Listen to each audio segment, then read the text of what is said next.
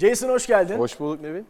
Yani cumartesiden sonra pazar günü çok sürprize açık bir yarış olabilirdi. E, beklentiler de o yöndeydi. Hatta hemen bence başlangıç gridiyle başlayalım. Kesinlikle. E, çünkü e, Lökler'in işte ceza alması ve en arkaya düşmesi, Perez'in Q2'de kaza yapıp yine arkalarda kalmasıysa kal, kal- kalmasıyla bir anda önümüzde bambaşka bir tablo belirdi. Yani ilk 5 sırada 5 farklı takım, 5 farklı pilot e, ama start anında bir sürpriz olmadı.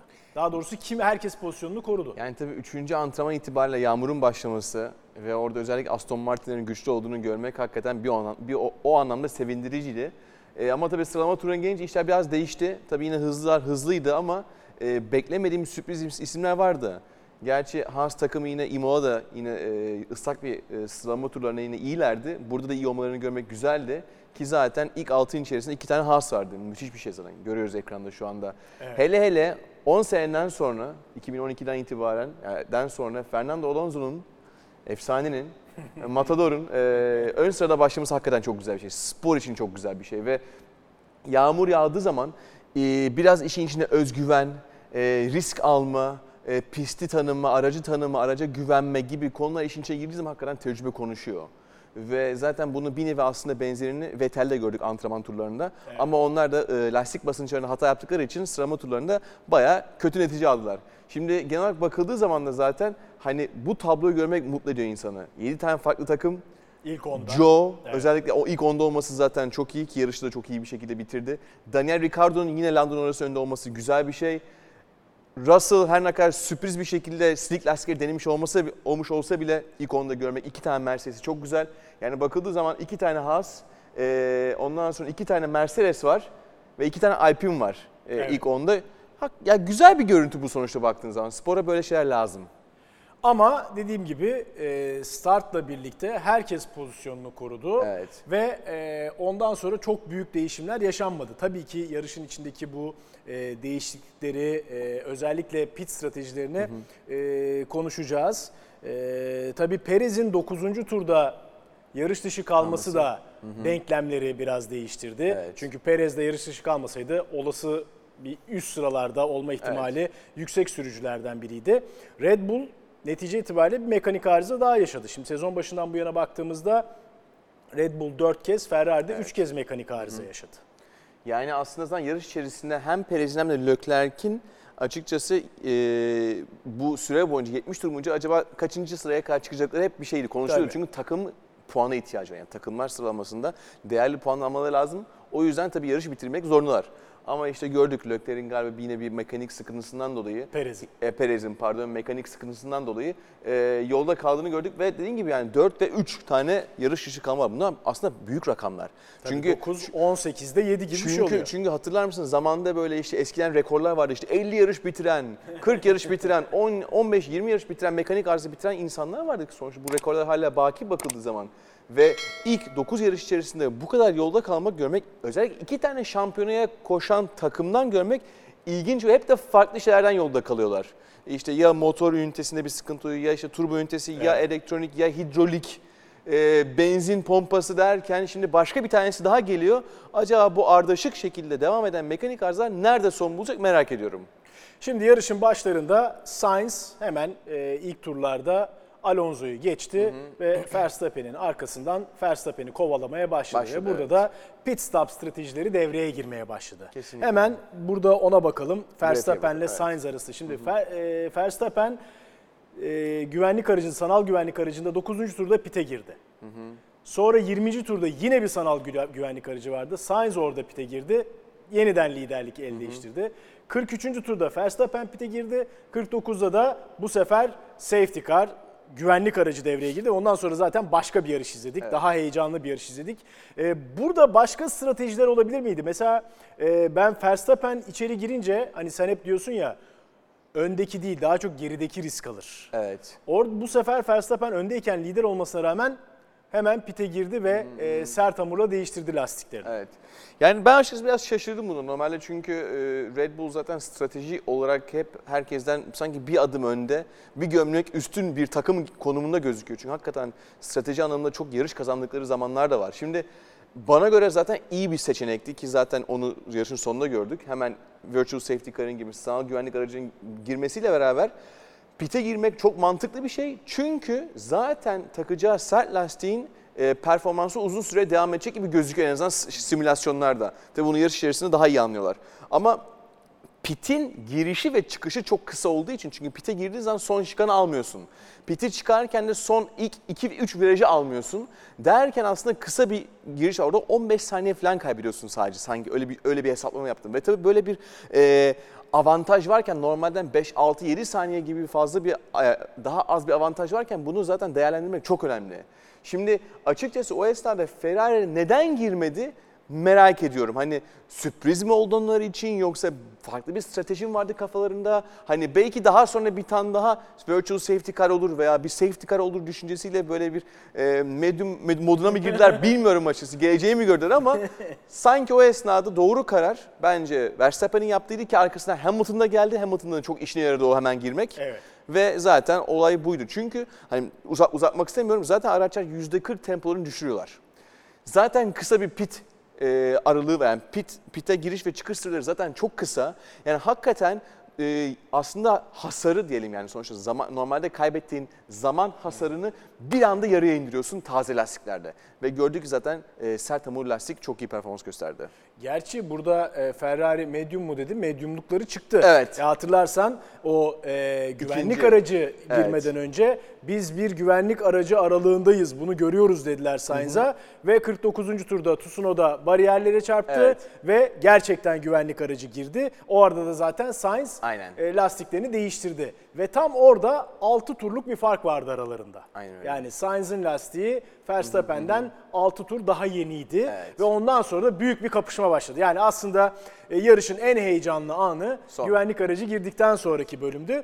Ve orada e, bize bence önemli doneler verdi yine iki pilotla ilgili ve iki, iki araçla ilgili. Çünkü aslında DRS avantajını hiçbir zaman kullanamadı Sainz. Yok istediği gibi Çünkü kullanamadı. bir saniyenin altında kaldı fark. Açılmadı, açamadı Verstappen. Ama hep o birinci sektörde kazandığı işte 0-2-0-4'leri o e, DRS'li düzlüklerde bile korumayı başardı. Sorum şu, şimdi e, pist ekranda, sektörler ekranda Verstappen o birinci sektörde nasıl kendine daha iyi bir avantaj yarattı Sainz'a göre? Ya burada muhtemelen birkaç tane konu var. Şimdi birinci sektör biraz daha Monaco-vari, daha Evet. virajlı, daha duvarlara yakın. Apex kullanman gerekiyor. Biraz daha agresif olman gerekiyor. Şimdi muhte- Aslında özür dilerim. Biz ne diyoruz hep? Uzun düzlükler Red Evet, Bull, evet. virajlar Ferrari. Aynen. Aslında burada Sainz'ın daha da yaklaşma olasılığı teorik olarak mümkün değil miydi? Şimdi şimdi muhtemelen ikisinin e, batarya doldurma stratejileri farklı. Çünkü ne yapıyor ne yapıyor muhtemelen e, e, Verstappen? İlk bölümde bataryasını iyi kullanıyor. ikinci bölümde dolduruyor. Üçüncü bölümde hepsini kullanıyor tekrar. Çünkü biliyorsunuz işte bazen fark böyle ufak tefek açılmalar, kapanmalar oluyor. O esnada mesela mesela Verstappen bakıyor arkasına mesafe var. Hemen bataryayı dolduruyor. Arkasına mı geldi? Hemen bataryayı boşaltıyor. Keza Sainz de zaten bu tür bir strateji içerisinde. Ama e, buradaki en büyük faktörlerden bir tanesi aslında Red Bull'un düzlükteki süreti. Yani e, bir kere belki sadece işte şikan, şey e, 10. viraj e, işte bu U virajından çıkarken sadece 0.6 gibi bir fark vardı aralarında. O esnada DRS'yi kullandı ve yaklaşabildi. Yoksa aralarındaki fark 0.8'lere falan vardığı zaman gerçekten e, Ferrari hiçbir konuda e, Verstappen öndeki Red Bull'a atak yapacak durumda değildi. Hiç olmadı. Hiç olmadı ve bu gerçekten ta, işin içinde hem taktikte var ve bakıldığı zaman da zaten Red Bull'un düzlükteki hızın avantajını Verstappen çok iyi kullandı. Burada bir soru var. Aslında bence güzel üstüne tartışabileceğimiz bir konu. Ee, özellikle son pitte yani işte safety car girdikten sonraki pitte Ali Kozan diyor ki Sainz güvenlik aracından sonra sert yerine orta hamur lastiklerle Verstappen'i geçip yarışın sonunu göremez miydi? Yani orada orta hamuru seçselerdi e, Sainz'ın lehine olmaz mıydı gibi bir soru. Ne dersin? Ya aslında çok güzel bir soru. Ee, ben ama şahsen yine tabletimi incelerken herkesin işte sektörlerine bakıyorum, lastiklerine bakıyorum, lastiklerine ne kadar turu İnan bana orta hamur lastikler o kadar hızlı değildi. Yani e, şeye şeye dikkat ediyordum e, açıkçası hani tur zamanlarında kim mesela da, tamam eski eski işte daha kullanılmış ortalarla yeni sertler arasındaki farklara bakıyordum. Emin olamadım açıkçası hani hangisi daha iyi ama gördüğüm şey şuydu. Orta sertler orta hamurlu lastikleri gerçekten daha istikrarlı gidebiliyordun. E, ve galiba kontrol etmesi daha kolay.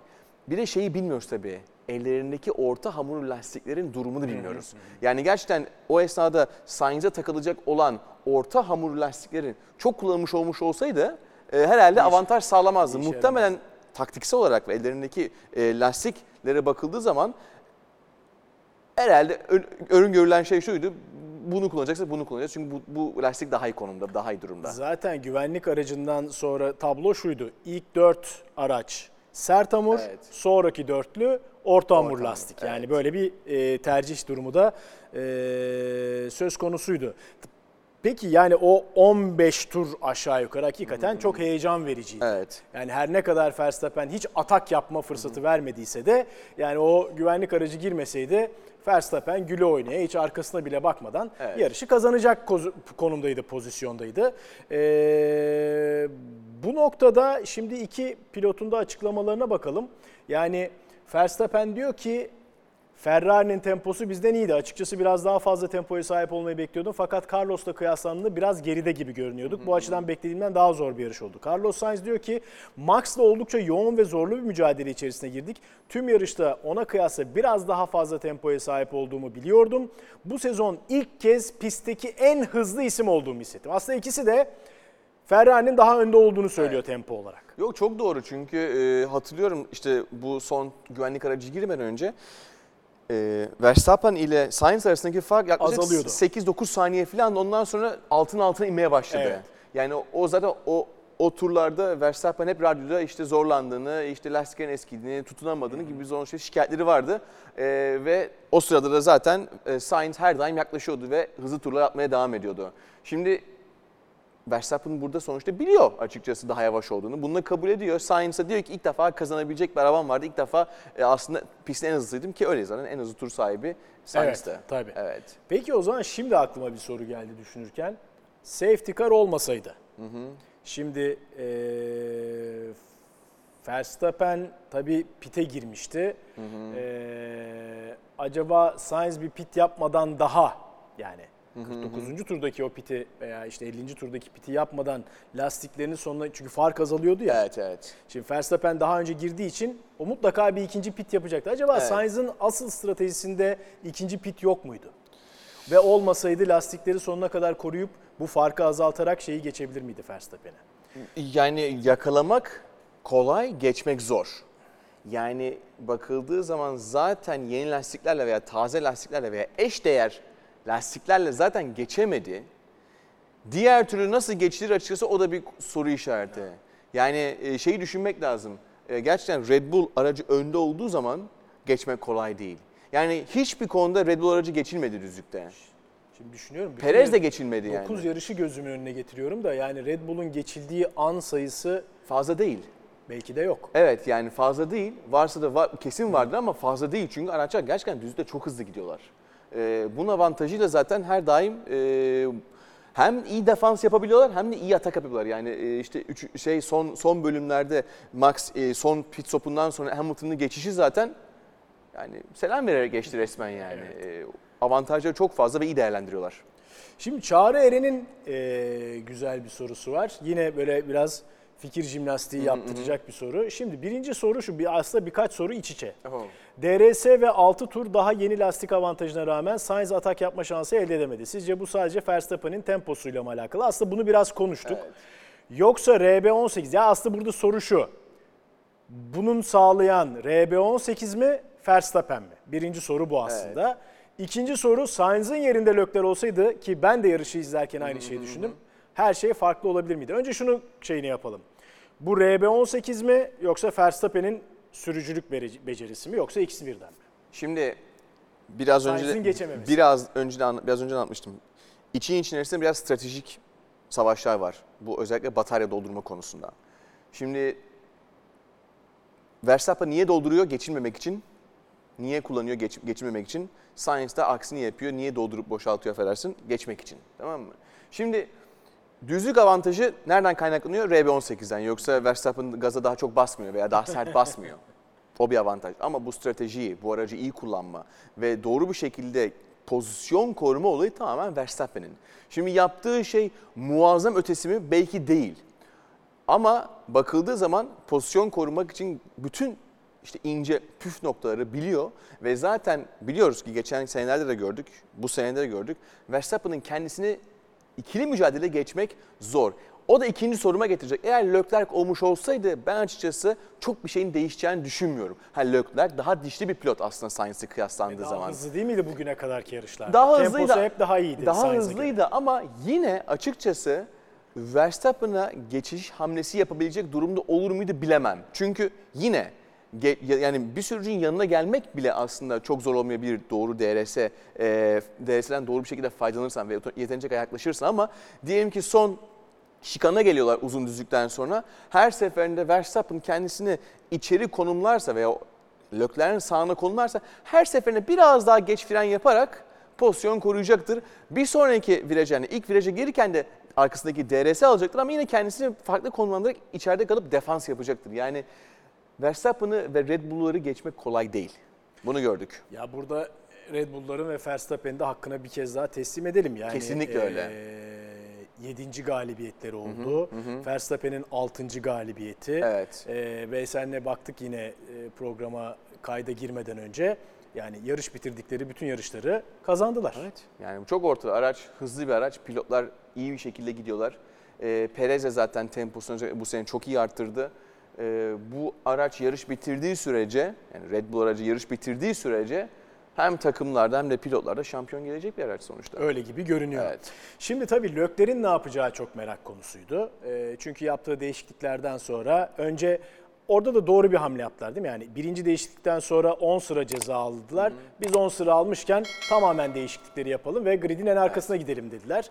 Ki bence doğru bir stratejiydi. Bu, bu çok ilginç bir strateji. Normalde bu tür kararları pilotlar ve pardon takımlar geçişlerin daha kolay olduğu veyahut önündekinin daha rahat geçebileceğin pistlerde yapıyorlar. Şimdi Ferrari'nin sonuçta hızlı bir araç. Evet. Virajlarda çok hızlı ve her seferinde DRS'den de doğru faydalanabilirse önündekini Red Bull hariç önündekini rahat geçebilecek bir araca sahip ki gördük zaten bunu. Bir de Evet. şeyde çok zorlandılar. Alpinlerde çünkü onlar düzlükte aşa- aşırı hızlı gidiyorlar.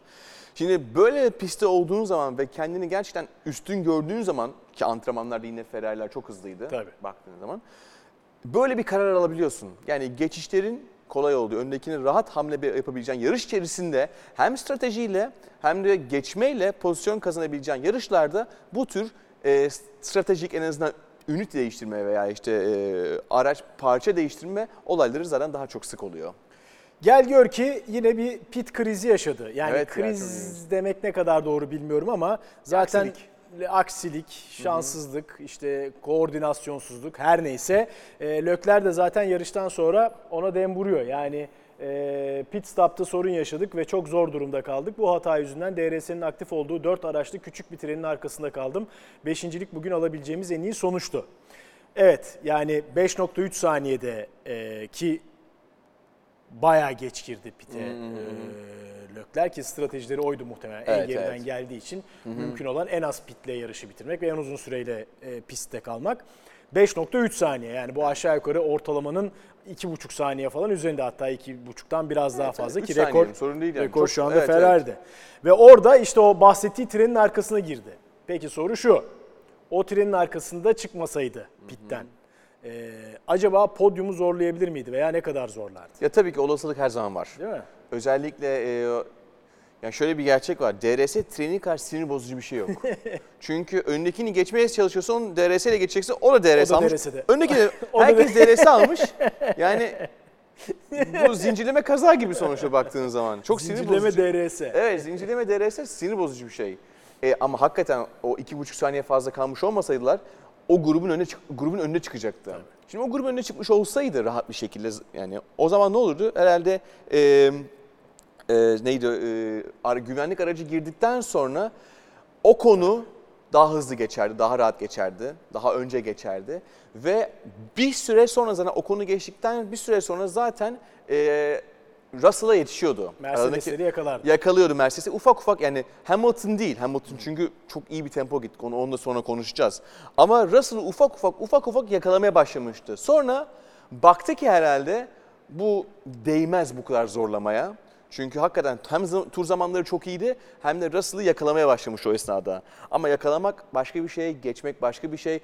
O, o sırada o son 5 tur işte güç ünitesini zorlamak, lastikleri zorlamak, kendini yormak hakikaten o alacağı dördüncülük, beşincilik puan farkına değer mi değmez mi hesaplamasını yaptıktan sonra zaten geri adım attı ve pozisyon kurdu ve o yüzden dedi zaten bitirebileceğimiz en iyi pozisyon beşincilikti. Ama o DRS trene yakalanmış olmasaydı bence Russell'ı Russell'ı çekişirdi. Hamilton'ı geçecek sürete sahip olur muydu o esnada bilmiyorum. Çünkü muhtemelen Russell da onu tutardı ona göre stratejik olarak düşünüyorum, takım stratejisi olarak düşünüyorum. Muhtemelen Russell da onu tutardı. Hamilton'a rahatlık olsun diye. Podyum olmasa bile dördüncülük gelirdi. Hazır Hamilton demişken eee, uzun zaman sonra ilk kez yüzünün güldüğünü gördük. Evet, güzel bir şey. Evet. Gülsün tabii canım. Evet. Adam yani rekortman dünya şampiyonu. Aynen öyle. Ona bir itirazımız yok. Ee, podyuma çıktı. İlk yarışta Bahreyn'de podyumdaydı. Sonra bir daha podyum göremedi ve aynı şekilde de Russell'ı yine Bahreyn'de geçmişti ve 7 yarıştır hep Russell'ın arkasında kalıyordu. Ee, şimdi Miami'de de böyle bir şey yaptık. Aa acaba Mercedes'te işler düzeliyor mu dedik. Bu burada yani Wolff'ün açıklamaları, Hamilton'ın açıklamaları, Russell, da geleceğe biraz daha umutla bakan açıklamalar var Mercedes'te. İşler düzeliyor mu? Biraz rayına oturuyor mu? Yoksa yine bu pist özelliği, pist karakteri veyahut da başka bir şey mi? Şimdi işte Azerbaycan dedik, e, Miami dedik. Daha sonrasında Kanada. Aslında 3 aşağı 5 yukarı benzer şeyleri var, karakteristikleri var. Şimdi e, burada bence Mercedes'in en büyük sıkıntısı biraz sıralama turları. Şimdi e, yağmurda tabii Mercedesler yine sürücülükleri, yani iyi pilotları ve doğru ayarlarla yağmurda bir sonuçta dezavantajları yoktu çok. Hani kuruya kıyasla. Ama kuruda olduğu zaman da işte özellikle bunu şeyde gördük. Yani hem aslında çoğu yarışta gördük. Son 3-4 yarıştır ben bunu çok dikkat ediyorum. Ee, Barcelona'da da gördük. Ee, yarış tempoları çok iyi Mercedes'lerin. Yani yarış tempoları gerçekten iyi ve sert hamur lastikleri taktıkları zaman bu araç daha iyi çalışıyor. Yani gerçekten sıralama turlarında işte o yumuşakları taktıkları zaman o araç gidemiyor. Yani o sürücü o aracı hakkını veremiyorlar. Ama yarış temposu yani işte sert hamurları taktıkları zaman Mercedes aracı çok iyi çalışıyor ve sürücüler de bunu iyi değerlendiriyor. Ki zaten Sainz'tan önce, Sainz'ın en hızlı turundan önce Lewis Hamilton en hızlı tura sahipti. Bu demektir ki bir ilerleme var kesinlikle. Şimdi bu ilerleme sadece bu piste özel veya böyle karakteristiği olan bir piste özel bunu bilemeyiz. Ama çok ilginçtir. Barcelona aslında virajları olan, e, yüksek downforce gerektiren bir pist. Orada da yarışa çok hızlılardı. Ee, yani İngiltere'de de sonuçta çok yüksek downforce gerektiren bir pist, hızlı virajları olan, e, akışkan, e, tempolu bir pist. Yani çözemedim açıkçası. Ama tek çözebildiğim bir şey tek turda o yumuşak lastikleri daha iyi kullanmaları lazım. Ee, Russell yine her hafta aynı şeyi söylüyoruz ama yani tekrarlamanın bir şeyi yok. İstikrar. Mahsuru yok. Yine ilk 5'te bitirdi. Yani 9 yarış ilk 5, ikisi podyum. Kolay bir iş değil. Evet. Ee, yine çok istikrarlı bir şekilde kendini hedefine doğru götürdü. Evet yani Q3'e kadar yine takım arkadaşı öndeydi. Ee, yine iyi zur- tur zamanları yapıyordu. Ee, her şey yolunda gidiyordu. Q3'te tabii e, sıralama turlarında Q3'te e, slick lastik O iyi bir denemeydi bence. Deneme yani o neden olmasın? Ee, sonuçta Soçi'de çalışmıştı geçen sene Williams aynı şekilde. Onu düşünerekten yapalım, risk alalım. Zaten ne- nerede bitirebiliriz Evet. ki sonuçta yani çok bir şey Kaybedecek kaybetmiyorsun. bir şeyleri yok. Aynen. Ya e, kahraman olacaksın ya da işte daha kötü bir yerde bitireceksin. Neyse şimdi Russell ilk defa e, burada takım arkadaşı yani Hamilton tarafından biraz gö- şeyi gölgelendi. Çünkü ilk defa e, Hamilton yarış içerisinde daha iyi performans gösterdi. Yani normalde geçmiş yarışlarda daha iyi performans göstermişti. Miami'de göstermişti. Ondan sonra Bakü'de de daha iyiydi. Birkaç yarışta daha iyi daha iyi turlar atıp daha istikrarlı turlar atıyordu ama yine işte bir şey bir şey bir aksilik gidiyordu ve istediği gibi bitiremiyordu. Ama bu sefer her ne kadar Russell mesela son özellikle son e, güvenlik aracından da faydalanmış olsa yine Hamilton tam arkasına gelmiş olsa bile Hamilton yine ona fark attı. Hamilton bu pisti seviyor. 15 sene önce e, ilk galibiyetini burada aldı. Bu tür işte daha böyle hareketli karting vari pistleri seviyor ve ki onu bu, bu hafta sonu gördük. O özgüven geldiği zaman Hamilton'a tekrar kendisini mutlu hissettiği zaman işte yüzünde de gördük zaten Hamilton kendisini gösterebiliyor. Ama ne zaman biraz böyle işler ekşimeye başlıyor kendisi de maalesef ekşiyor. Ama en azından ben şahsen Russell'daki performans çok düşmemiş olsa bile yine bay istikrar dediğimiz kişi Russell yine değerli puanlar alıp ilk 5'te bitirse bile Hamilton'ın biraz yüzünü gülmesi açıkçası Mercedes'in çok iyi bir şey. Aslında sıralama turları bittiğinde Alonso'yu ilk çizgide gördüğümüzde sanki pazartesi günü biz Jason'la bol bol Alonso konuşuruz diye biraz da hayal de ettim açıkçası. Ah, Ama ah, pek ah. öyle olmadı. Ah, ah, Ee, yani Alonso da şeyde o hemen sıralama sonrası röportajında hemen atak yapacağım falan dedi ama Evet, sonraki evet. demecinde gerçekçi hedefimiz ilk 5 gerçekçi olmamız lazım dedi. Sonra da düzlüklerde bir saniye kaybettim bir dayanıklılık problemimiz var dedi. Sorun yaşıyoruz dedi. Bir de üstüne 5 saniye cezası aldı. Dokuz. Yani acaba podyum görür mü, ilk 5 bitirir mi derken Alonso netice itibariyle yarışı 9. sırada tamamlamış oldu. Yani Alonso ile ilgili heyecan işte pazar yarış başlayana kadar sürdü. Çok, çok erken bitti. Yani tabii start aldılar hemen geçildi. Sainz'e daha sonrasında temposu yüksek değildi. Ee, gerçekten e, ben özellikle e, Alpine araçlarının düzlükteki hızlarının çok üstün olmasının bilerek yani avantajı daha iyi kullanacaklarını düşünmüştüm. Ee, kullanabilecek özellikle Alonso gibi defans yapabilen bir e, yani sonuçta savunma yapabilen bir, bir sürücü olduğu zaman ama öyle olmadı ve çok ilginç bir şekilde Alonso'nun pitini çok geciktirdiler. Yani 2-3 fotoğraf önceki e, lastiklerin halini görünce yani niye bu kadar devam ediyorsun ben anlamadım. Tabii ki tek pit stop yapma niyetini onu çok iyi anlıyorum ama hani işte bak görüyorsun lastikler yani bu medium lastikler paramparça olmuş ön lastikler. Hani ne gerek var bu kadar uzun sürmeye? Tabii yine Alpine tarafındaki stratejiyi bilemeyiz ama bana göre yanlış karardı. Sen Görkem Bey'in sorusunu cevaplamış oldun ama yine de soruya bir bakalım.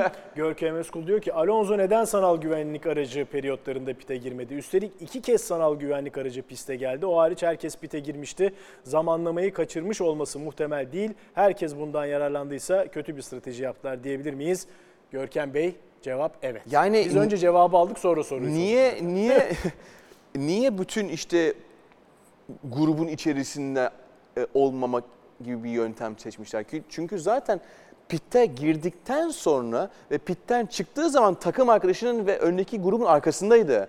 Yani 5 tur, 10 tur eğer önce girmiş olsaydı pite muhtemelen onların önünde olacaktı. Çünkü artık lastikleri çok uzun süre kullandı ve orta hamur lastikler artık bir süre sonra dayanamamaya başladı ve temposu çok düşmüştü. Öndeki insanlardan 2 saniye kadar yavaştı. Tur başına 2 saniye çok büyük bir rakam ne bir sonuçta. Eğer ki dediğim gibi 5-10 tur önce girmiş olsaydı kesinlikle daha önde bitirirdi. Ha daha sonrasında Ocon'un arkasındayken Ha. yaşadığı Ona sıkıntı, sinirlendi bir. Ok- Okan'ın arkasındaki yaş- yaşadığı sıkıntı, işte düzlükte hızlı gidememesi vesaire vesaire tabii sinir bozucu bir şey. Ama daha sonra yorumunu gördük. Ben bütün hafta sonu boyunca bundan daha hızlıydım. Yani takım arkadaşımdan daha hızlıydım. 100 kat hızlıydım. 100 kat daha hızlıydım. Evet 100 kat daha hızlıydım. 100 kat. Işık hızında gidiyordum. Ee, ve hani sanki orada takıma dedi ki bana bu pozisyonu verin lütfen. Evet ama vermediler. Vermediler. Yani şahsen hani burada biraz işin içine şey giriyor. Hani duygusallık giriyor. Hani e, vermek zorunda tabii ki değil. Burada sorunlu olan araç Alonso aracı. Niye sorunlu bir aracı zorlayıp öne geçirmeye çalışsınlar ki? Çünkü düşünsenize o esnada Ocon'a birisi e, hamle yapıyor olmuş olsaydı Ocon'u geçtikten sonra önünde Alonso olacak. Alonso da sonuçta o sırada e, e, şey bir konuda olacaktı. Yani güçsüz, bir sorunlu bir sorun olacaktı ve olmayacaktı. O yüzden bence kalmış olmaları daha doğaldı, daha iyiydi ama Alonso kızdı. Alonso kızdı kızdı Evet. o belli. Peki şöyle hızlı hızlı gidelim. Aynen. Ee, Ocon demişken Ocon'dan da bahsetmek Kesinlikle. lazım. 9 yarış 7 kez 7'sinde puan aldı. Aynen. Ee, Alpine'le bence önemli bir performans. Ee, Alfa Romeo ikinci kez iki pilotla puan almayı Çok başardı. Joe kariyer Evet. rekoru kırmış tabii daha Aynen. ilk sezon yani her yaptığı bir rekor oluyor onun Tabii, için ama tabii. yine de e, 4 puan alması. Hem yağmurda hızlı gitmesi hem de Evet. yarışı ilk onda bitirmesi. Özellikle son turlarda Daniel'i geçmesi, Ricciardo'yu geçmesi güzel oldu onun için hakikaten yani. Ama McLaren'ler yine büyük hayal kırıklığı. Sadece pistte değil, Pitte de. O neydi yani o o, ya? pit stop neydi abi öyle? Bir tane so- sağ ön arkadan sonradan geldi. O lavaboya falan mı gitmişti anlamadım ya. Bilmiyorum yani. Çok garipti yani. Sanki herkes böyle Evet. kimse sanki orada pite girecekmiş gibi bir hareket yoktu yani. Ben çok şaşırdım. McLaren'lar evet araçları da iyi gitmiyor maalesef. Ee, gel gör ki pitte de sıkıntı yaşıyorlar ve e, ama en azından Ricciardo'nun biraz kendine kendine gelmiş olması ve Norris gibi şu anda yıldızı parlayan ve en iyi pilotlardan birisi olarak gösterilen bir pilottan daha iyi performans göstermesi en azından Ricciardo için iyi bir şey. Haas da hayal kırıklığı. Ah, sorma, çok üzüldüm Çok iyi ya. başladılar. Çok yani üzüldüm ya. çok iyi bir pozisyonları vardı. Evet. Tamam Mick evet bir şanssızlık yaşadı. Ee, belki ilk puanlarını alabilirdi. Değil mi Kesinlikle. Yani özellikle ilk 6'da yani sıralama turuna Yağmur'da ilk 6'da iki tane has sürücüsünün olması daha da sonrasında Magnussen'in iyi bir atak yapıp yarış dışı erken kal yarış dışı değil mi? yarışın dışında kalması, rekabetin dışında kalması ama Mick Schumacher'in rekabetin içinde kalıp çok iyi performans göstermesi, daha sonrasında mekanik arızada yolda kalması Haas için kötü bir gündü. Ha, ümit verici bir şey yine bakıldığı zaman. Güzel bir şey Haas için yani düşünsene geçen seneye kıyaslandığı zaman şimdi neredeler? Tabii o da, o da ayrı bir konu ama keşke en azından Mick yarışı bitirebilseydi diyordum. Evet yani Mick Schumacher üzerinde özellikle tabii beklenti çok olmasından dolayı. Evet. Ee, ve tabii ki kendi daha önceki e, geçmişinden dolayı ve çok fazla tartışılmaya başlamıştı. Yine de sanki bu yarış o eleştiri bulutlarını biraz dağıttı gibi. Yani hem sıralamadaki performansı hem yarıştaki temposu. Kesinlikle öyle. Mesela Gunther Steiner dedi ki ona e, birkaç yarış önce çok araba parçalıyorsun, temponu düşür. Evet. Bakü'de çok düşürdü. Şimdi ise çok iyi bir tempoya getirdi. Güvenli bir şekilde hatta yağmur da burada yağmurda biliyorsunuz sonuçta her yer çimen ve duvar. Evet. Çimende araba durmaz, duvarda araba durur. Baktığın zaman hasar da alır. Şimdi öyle bir durumda ilk altıya sokması kendisinin çok güzel bir şey. Bayağı özgüven veren bir şey ki zaten e, hat- yanlış hatırlamıyorsam e, hemen araçtan çıktıktan sonra pite geldikten sonra annesi ve kız kardeşi Evet, sarıldı falan. sarıldılar. Çok güzel bir görüntü. Onlar da çok gurur duyuyorlar oğullarından tabii ki. Yani Mick Schumacher iyiye gidiyor. Tek yapması gereken şey e, kendisine daha güvenmesi ve tabii ki aracı kırmaması. Tabii yine de sıralamaların sonucuna bakarken iki favorinin dışarıda olduğunu da hiçbir zaman unutmamak lazım Evet, yani. Lökler dışarıdaydı. Perez Q2'de dışarı Evet. çıktı. Yani aslında bir anlamda ikişer sıra gerçek pozisyonlarını Tabii, için ikişer sıra aşağı itmek lazım. Valla Pere-. Perez için aynı şeyi söyleyemem. Çünkü Perez kendi kabahatinden dolayı yolda O çıktı başka ama evet, evet tabii tabii. Peki şimdi gelelim asıl meseleye. Şimdi Bakü'den böyle Hamilton aa sırtım çok ağrıyor falan diye indi. Arabadan inemiyorum, mahvoldum, sırtım beni öldürüyor falan diye indi. Sonra tartışma biraz daha hararetlendi. Bu işte zıplama, yunuslama, hoplama her neyse. Ondan sonra ve aslında şöyle bir Kanada Grand Prix'si öncesi acaba buna bir regülasyon mu getirsek? Hayır buna regülasyon getirilmeyecek gibi bir hava oluştu. Ama sonrasında FIA bir açıklama yaptı. Hayatımıza yakın zamanda daha bunun e, parametreleri belli değil. Aerodinamik salınım metriği diye bir şey girecek. Yani bu işte e, belli bir aralığın üstünde veya frekansın üstünde zıplayan araçlara bir takım kısıtlamalar veya e, ayar Değişiklikleri e, değişiklikleri getirecek, getirecek. Şimdi bu ilk başta biraz şöyle algılandı. Mercedes'e Özellikle- gidiyor her şey. Aynen. O biz hepimiz Mercedes'e göre mi ayarlayacağız kendimizi diye algılandı ve hemen açıklamalar peş peşe gelmeye başladı. Yani Verstappen diyor ki bize yardımcı olup olmayacağına bakılmaksızın sezon ortasında kural değişikliği yapılmasını doğru bulmuyorum. Lökler şimdi bir takım diğerlerinden daha fazla dalgalanıyor diye yaptığımız tüm çalışmaları çöpe atmamız isteniyor dedi. Ve tabii bunu bu, bu konunun asıl muhatabı olan Hamilton da diyor ki ya diyor biz arabayı yükseltiyoruz ama gene de olmuyor. Dalgalanma daha çok aracın altındaki akışın yapısıyla alakalı. Sezonun büyük bir çoğunluğunda aracı çok yüksekte kullandık ve Barcelona'ya kadar daha düşüğe geçme kararını vermemiştik. İlk kez Barcelona'da yüksek hızlı virajlar dışında hiç zıplamamız olmadı. Sorun Monaco'da geri geldi. Sonra Bakü'de.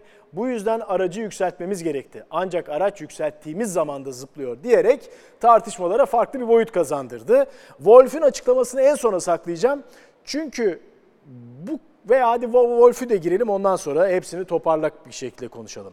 Wolf de diyor ki takım patronlarının performans avantajlarını sürdürmek istediği FIA'nın hızlı bir çözüm bulmaya çalıştığı, en azından araçları daha iyi hale getirmeye çalıştığı bir dönemde politik oyun oynamaya çalışmaları iki yüzüce. Toplantıda bunu söyledim. Yani diyor ki Wolf takım patronu aa evet e, sürücü güvenliği her şeyden önemli falan diyorlar ama sonra iş şeye gelince, uygulamaya gelince öyle davranmıyorlar diye algıladım ben. Valla Toto'da çok düz bir düz bir adam. Beklerim böyle bir yorum kendisinden. Şimdi kural der ki herkes zannetti ki ilk başta kural tamamen Mercedes uyarlanmış bir şey. Ama e, şunu düşünmek lazım. Herkeste bir dalgalanma, yunuslama sıkıntısı var. Bazısında çok fazla, bazılarında daha az. Bazısı rahatsız edici durumda, bazısı rahatsız edici durumda değil. Şimdi buradaki olay ne? Diyor ki FIA, aracın içerisindeki ivme sensöründe dikey istikamette belli bir e, yalpalanma frekansı ve yalpalanma e, Aralığı, aralığı eşiği fazlaysa yani yukarı aşağı olan dikey istikametteki olan ivme belirleyeceğimiz parametreden fazlaysa veya belirleyeceğimiz e, miktardan fazlaysa ona göre ayarınızı değiş, ayar, araç ayarınızı değiştireceksiniz ve o aralığa sığdıracaksınız diyor. Şimdi aslında burada en dezavantajlı insanlar veya takım yine Mercedes. Çünkü Mercedes zaten her seferinde aracı yükseltiyor, yükseltiyor, yükseltiyor ve yalpalanmayı, yunuslamayı azaltmaya çalışıyor. E şimdi ne yapacaklar o zaman? Yani yükselttikçe biliyorsun araç performans kaybediyor. E Yükselttikçe aracın ağırlık merkezi yükseliyor. Ondan sonra aracın arkasını yükselttikçe aracın aslında dengesi değişiyor. Hem aerodinamik dengesi değişiyor hem de mekanik dengesi, ağırlık dengesi de değişiyor. Şimdi bakıldığı zaman buradaki tek yapabilecekleri şey Mercedes'in lehine gitmesi için eşiği çok düşürmek. Yani affedersin o zaman herkes böyle havada bir araçla gidecek demektir yani. Şimdi eşiği çok düşürürsen hakikaten çok güvenli bir şekilde yani e, sanki böyle bir tekne üstünde e, sabah denizinde tekneyle gider gibi veya sonuçta bir limuzinde gider gibi bir frekansta gitmeye çalışırsan o ayrı bir şey. Ama hani ben açıkçası sırf bu e, yapılacak olan kural değişikliği veya kısıtlama değişikliği diyelim çok insanları etkileyeceğini düşünmüyorum veya Mercedes'e de çok fazla bir avantaj sağlayacağını düşünmüyorum. Sadece burada tek yaptığı şey Hamilton'ın sırtını tutarak ah uh diyerek ki bu arada olabilir hiç yanlış kimse şey yapılmasın, kimse yanlış anlamasın tabii ki zordur eminim. Hani bunu dile getirerek, fiziksel anlamda dile getirerek ne yaptı? Arkadaşlar burada bir sıkıntı var. Gelin buna bir kural koyalım. En azından insan güvenliği için. Biraz şimdi bütün bu hafta yaşananları düşününce eee, Bakü'de bir şeyi çok net bir şekilde kamuoyuna göstermek istediğini düşünüyorum Hamilton. E olabilir. Evet. Yani belki o aracından inişinin yavaşlığı bile e, sırtı ağrımamıştır demiyorum. Evet, Asla kesinlikle. böyle Evet, evet. anlaşılmasın. Ama bazen kamuoyunu harekete geçirebilmek için e, biraz daha abartılı, biraz daha herkesin dikkatini çekecek davranışlarda bulunmak gerekebilir. Hamilton da galiba biraz böyle yaptı. Yani biz bunu zaten futbolda da görüyoruz. Ee, futbolcu gidiyor kulağını üflüyor, yere yatıp 10 kere yuvarlanıp sıçrayıp sanki e, kafası kopmuş gibi hareket ediyor. Yani sonuçta sporcular bazen farklı şekilde ilgi çekmek için bunu yapıyorlar. Bunu herkes yapıyor. Bunu bunu aksini söyleyemeyiz yani. En iyi futbolcular da bunu yapıyor, en iyi sporcular da bunu yapıyor ama yapmalarının bir sebebi var. O esnada ya faal kazanmak için yapıyor ya da işte bir şeyin ilgisini çekmek için, bir şeyi sunmak için yapıyor. Ha Hamilton burada gerçekten sırtını tutacak kadar bir ağrısı var mı? Belki de olabilir. Ama hani o esnada sırtını tutarak ağrısını göstermeyebilirdi. Mesela. Ama bu esnada gösterdi. Belki de hakikaten çok sırt ağrıyor gösteriyor ama gösteriyorsa bile bir sebebi var. Çünkü burada FIA'nın e, bu şekilde sürücülerin zorluk çekmemesi için belli bir kısıtlama getirmesi lazımdır diye. Tabii bu kadar hızlı bir... Şimdi Verstappen'in de bir, bir bakış açısı doğru bir yandan. Evet. Sezon ortasında kural değişmez diyor. Bizde bir sıkıntı yok kardeşim. bu kadar Evet, basit yani yani. Şey de diyor yani bize yarasa da yaramasa da fark etmez Evet. ama sezon ortasında kural değişmez diyor. Onun da bir haklılık payı var ama sonu konu güvenlik Evet. ve sağlık olunca tabii e, bunlar biraz daha esneyebilir. Şimdi ne bil şunu düşünmek lazım. Şeye çok katılıyorum aslında Verstappen'a ama katılmadığımda şöyle bir konu var. Kimse hiçbir takım simülasyonunu yaparken bu sezona başlarken böyle bir yalpalama sorunu olacağını bilmiyordu. Öngörmedi. Çünkü kimse simülasyonlarda böyle bir aracın veya araçın yalpalandığını görmediler. Ha küçük çaplı tabii ki yalpalama ama kimse bu kadar böyle tuf tuf tuf tuf tuf tuf tuf tuf vurmayı kimse bilmezdi. Şimdi zaten bu sorun başladı, testlerde bu görülmeye başladı. Her yarış görüyoruz bunu ve her her yarışta insanlar gerekli işte upgrade'leri işte güncellemeleri yapıp azaltmaya çalışıyorlardı. Yine tabii ki bazı takımı azaltamıyor. Ha dersin ki ya bu bunlar azaltabiliyor. Bunlar azaltamıyor. Onlar onun kabahati, onun suçu. E tam o yüzden zaten bir kural giriliyor, giriyor ki işin içine. En azından herkes olabildiğince aynı şekilde yalpalansın ki bir eşitlik olsun. Ha bu bazı takımlar için evet haksızlık kabul ediyorum. Ama işin içine bu e, hem güvenlik girdiği zaman hem de kimsenin bunu tahmin etmediği girildiği zaman aslında belki o konuda Verstappen'a %100 katılmıyorum. Ama hiçbir zaman sezon ortasında, sezon sezon içerisinde kural değişikliği hoş bir şey karşılanmıyor tabii ki. Aslında bundan en zararlı Ferrari çıkabilir. Şimdi. Ferrari'nin yalpalaması da hiç Var. az değil. Değil, bayağı- bayağı zıp- var bayağı zıplıyorlar yani. Onlar ama ne yapıyorlar? Pek şikayet etmiyorlar. Aynen. Çünkü şampiyonluk yarışının içindeler. Evet, Değil evet. mi? Bunun da etkisi var. Şimdi Olabilir. Mercedes biraz da onu gördü. Şampiyonluk yarışında olma ihtimalleri, yani Ferrari'yi geçebilir ama Red Bull'u yakalamaları çok zor görünüyor. Evet. Ee, ya bu yeni kurallar aslında Red Bull'la Ferrari eğer gelirse ki veya hangi parametre Evet. Ferrari ile Red Bull arasındaki farkı daha da açabilir. Çünkü Red Bull'un zaten böyle bir sorunu yok. Tamamen bu aslında parametrenin ne olacağına bağlı. Evet doğru. Bakalım hayatımıza yeni girecek aerodinamik salınım metriği ile ilgili Ne olacak? daha neler göreceğiz. Şimdi gelelim puan durumuna bakalım. Verstappen arayı biraz daha açtı Lökler'le. 175 puanda Perez puan alamamasına rağmen hala Lökler'in önünde. Russell 111, Sainz değerli puanlar aldı 102 puana yükseldi. İlk 10 böyle. Verstappen koptu gidiyor. Öyle gözüküyor en azından Red Bull'lar çok güçlü durumda. Düşün bir de Perez de sonuçta puan al- alabilmiş olsaydı daha Tabii. farklı bir durum olurdu. Ee, yani e, bakıldığı zaman burada hani şeyi görmek güzel, iki tane Alpine de görmek güzel. Bottas'ı da görmek güzel. Norris çok uzun süredir puan alamamasına rağmen Evet. orada halen. Ee, Hamilton küçük küçük puanlar toplamaya başladı. Sainz, Sainz en burada en zor Sainz'in işi bence. Ne açıdan?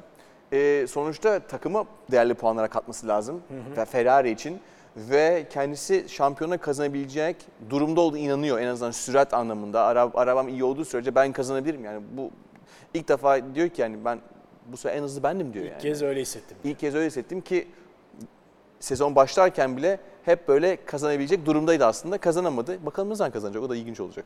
Burada markalar sıralamasında Ferrari bir 2 puanlık bir şey kapattı Perez'in yarış dışı kalmasıyla ama hala ciddi bir fark olduğunu e, söyleyebiliriz.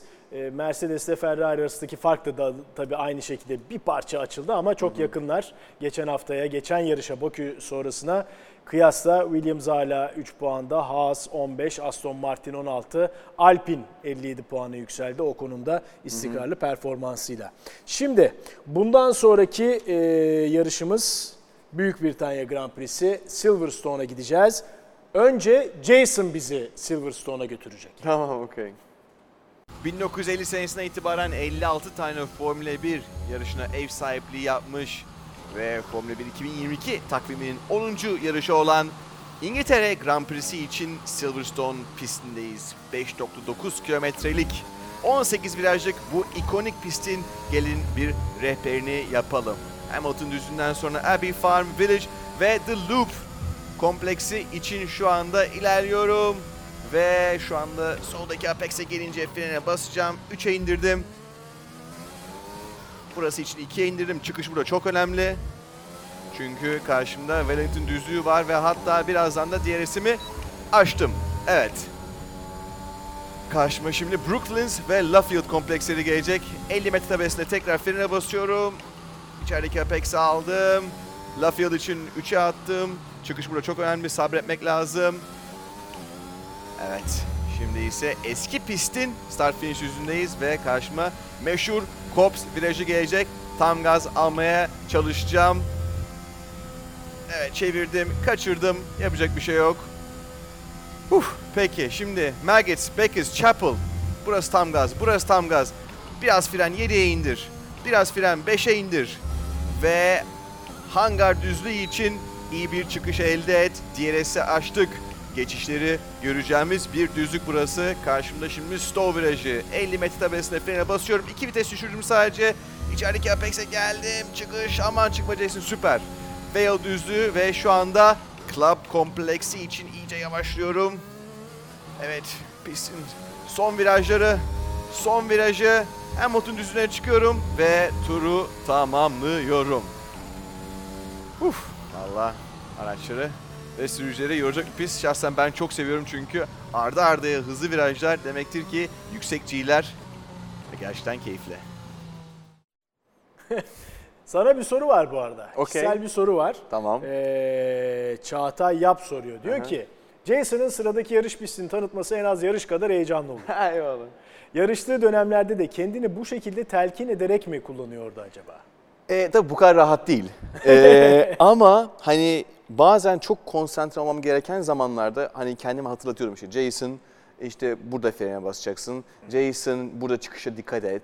Jason hani şu apex'i kaçırma gibi böyle kendi kendime te- telkin ettiğim zamanlar oluyor gerçekten ve bence en azından bu bende işe yarıyordu. Çünkü hani kendimi hatırlatmak, sırf reflekse bırakmamak olayı. Çünkü refleks biliyorsunuz yani işi reflekse bıraktığın zaman yani reflekse bu arada ne demek? Hani siz bazı günler olur e, işte işten eve gidersiniz nasıl geldiğinizi bilmezsiniz. Çünkü tamamen refleks götürür sizi. Ama işi reflekse bırakmadan daha bilinçli bir şekilde gitmek için bazen bu tür kendi kendime konuşuyordum eskiden. Güzel. Peki Silverstone'un favorisi veyahut da eee, daha avantajlı olan takımı hangisi sence? Yani baksana uzun düzlüklerimiz de var. Çok hızlı virajlarımız da var. var. Yine klasik Mers, e, klasik e, sen söyle Ferrari'nin hızlı gideceği yerler de var. Burada ondan sonra Red Bull'un da iyi gideceği yerler var ama sanki sanki Red Bull burada biraz daha avantajlı olabilir gibi geliyor bana. Göreceğiz. Ki zaten Red Bull biliyorsunuz sonuçta her ne kadar Avusturya meşhur bir hani sponsorundan da Avusturya takımı olsa bile aslında bütün fabrikası tabii. ve bütün her şey İngiliz. Tabii. Yine onlar için aslında Avusturya'dan sonra burası onların ev yarışı. Burası için de güncelleme getireceklerdir diye düşünüyorum. Şeyde getirmediler hiç. Evet. Eee, Kanada'da. Kanada'da. hiç yoktu. Bakalım. Aynen. Göreceğiz hep beraber. Jason ağzına sağlık. Teşekkür, teşekkür ederim. ederim. Eee, Büyük Britanya Grand Prix'sinin ardından Silverstone'daki o heyecan verici mücadelenin ardından tekrar görüşmek üzere. Hoşçakalın. Hoşçakalın.